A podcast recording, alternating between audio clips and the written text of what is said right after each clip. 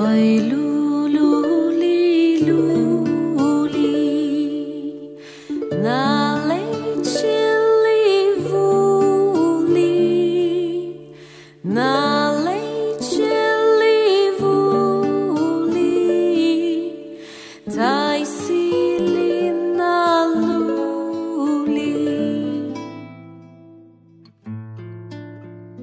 بلغني أيها الملك السعيد ذو الرأي الرشيد.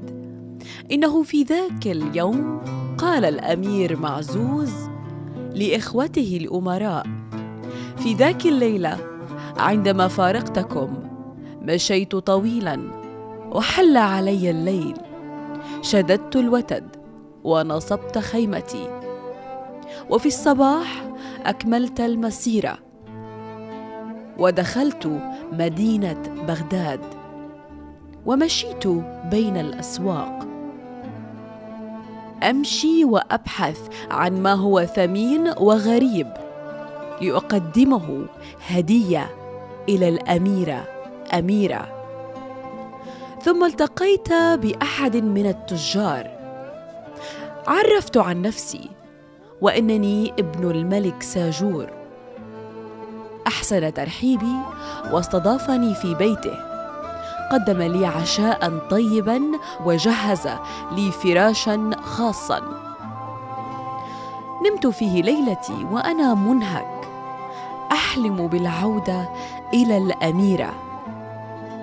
ولكن حلمت حلما غريبا وكأنني كنت أمشي في طريق طويل.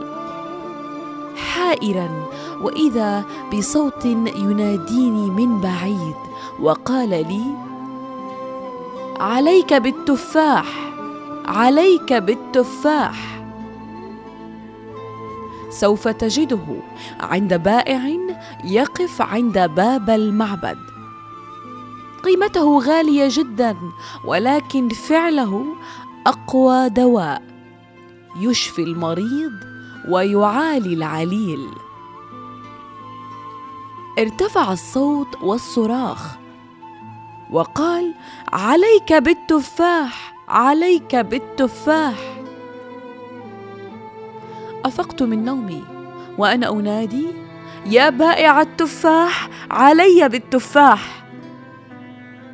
فإذا بأهل البيت قد أفاقوا من صراخي وجاءني صاحب البيت وقال هل أنت بخير يا معزوز؟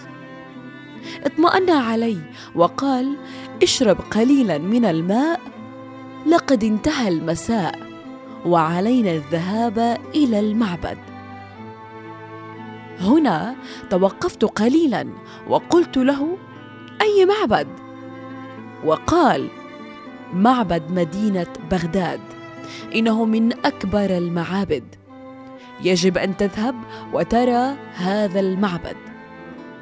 وبالفعل توجهت وأنا مسرعا وكأنني كنت أبحث عن شيء ولا أعلم ما هو. وما أن وصلت إلى هذا المعبد وإذا ببائع يصرخ بصوت عال ويقول عليكم بالرخيص الغالي عليكم بالرخيص الغالي إنه التفاح. فمن يعرف قيمة هذا التفاح يجب أن يدفع قيمته الغالية. فذهلت جدا مما سمعت وجعل رأسي يدور ويدور ومشيت إلى هذا المنادي وكأنني عبدا مسحورا وسألته ما سعر هذا التفاح؟ قال الواحده بستمائة دينار. لم أستغرب ودفعت وكأنني كنت مامورا.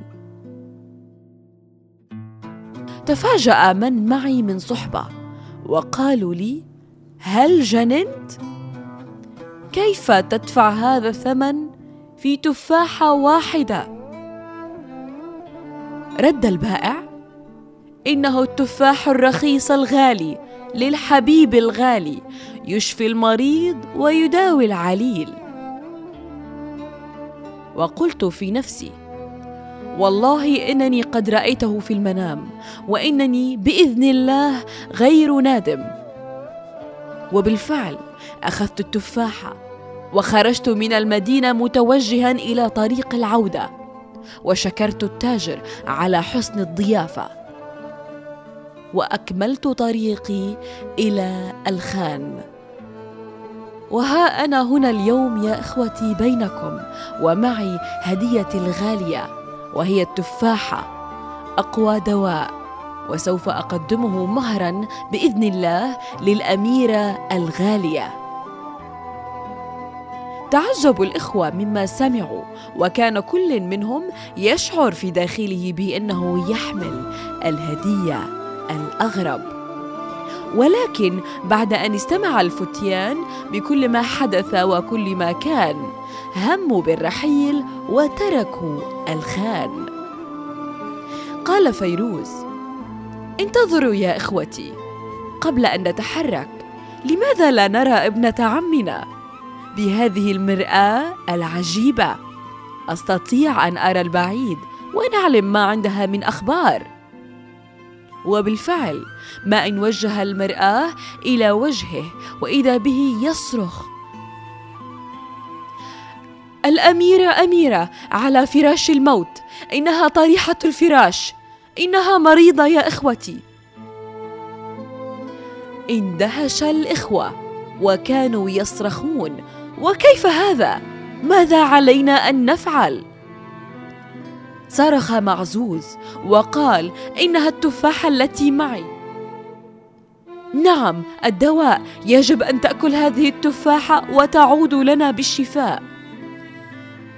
فقالوا الإخوة نعم ولكن كيف سنذهب أمامنا مسيرة شهرين؟ فرد نيروز إنها السجادة يا إخوتي. ستجعلنا نطير وتحملنا بسرعة الريح. فهيا بنا نركب فوق هذه السجادة. وبالفعل ركبوا الإخوة البساط الطائر وأمروه أن يطير بسرعة الريح. فطار البساط إلى أن وصل إلى قصر الملك ساجور.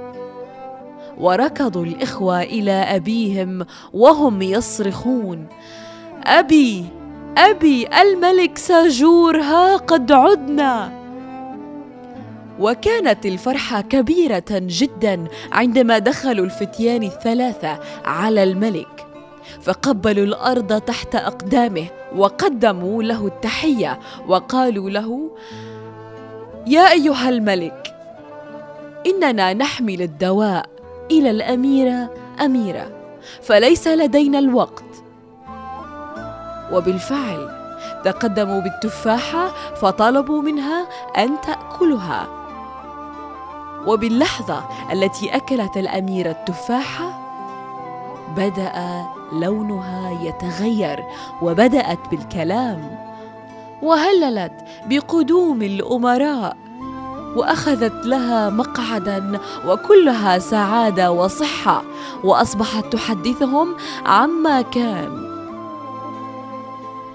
فتعجب الملك ساجور وحمد الله بسلامة ابنة أخيه ونجاة أولاده الثلاثة.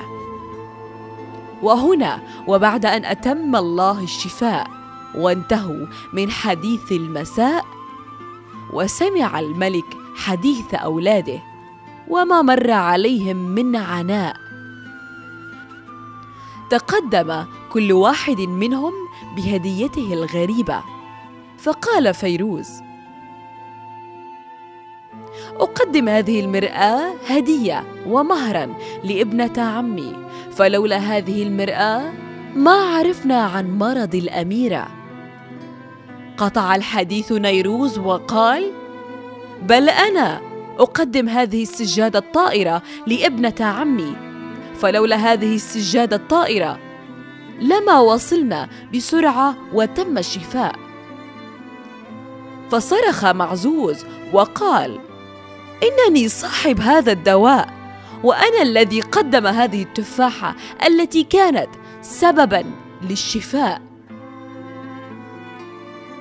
قام الملك من مجلسه وقال بالفعل كل هدية من هذه الهدايا كانت سببا في الشفاء ولكن عادت إلى الملك الحيرة لأنه اكتشف إن نية الأمراء كانت فقط الغيرة وليست في الحقيقة الزواج من الأميرة.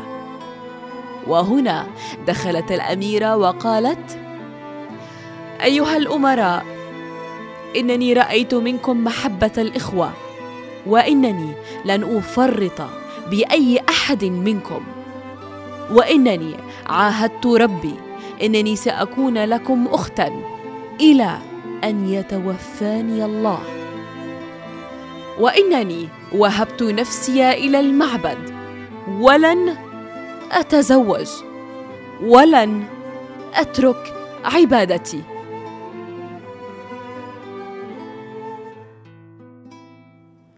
وعندما ظهر ضوء الصباح بنوره الوضاح وبدا الديك بالصياح.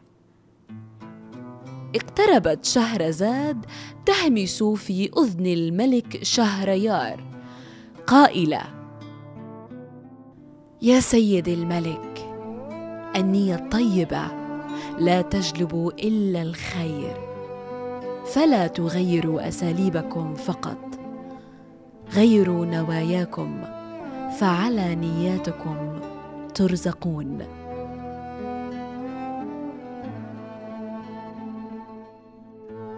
وفي الغد ليلة زيادة من شهريار نكمل الحكاية وما فيها من الأسرار. تبا لقلبك إذ أتى يغويني ويصب نار الشوق فوق حنيني. يا من وددت الأمنيات بقربه وانهال دمع وداعه يكويني. أو بعدما فني الهوى وفروعه الان عدت إلى الوفا تدعوني؟ هذا رفاه القلب فقرا عنده فتك الهوى بالعاشق المسكين. ذق من عذاب الصد دهرا إنه لا حب بعد اليوم قد يغريني.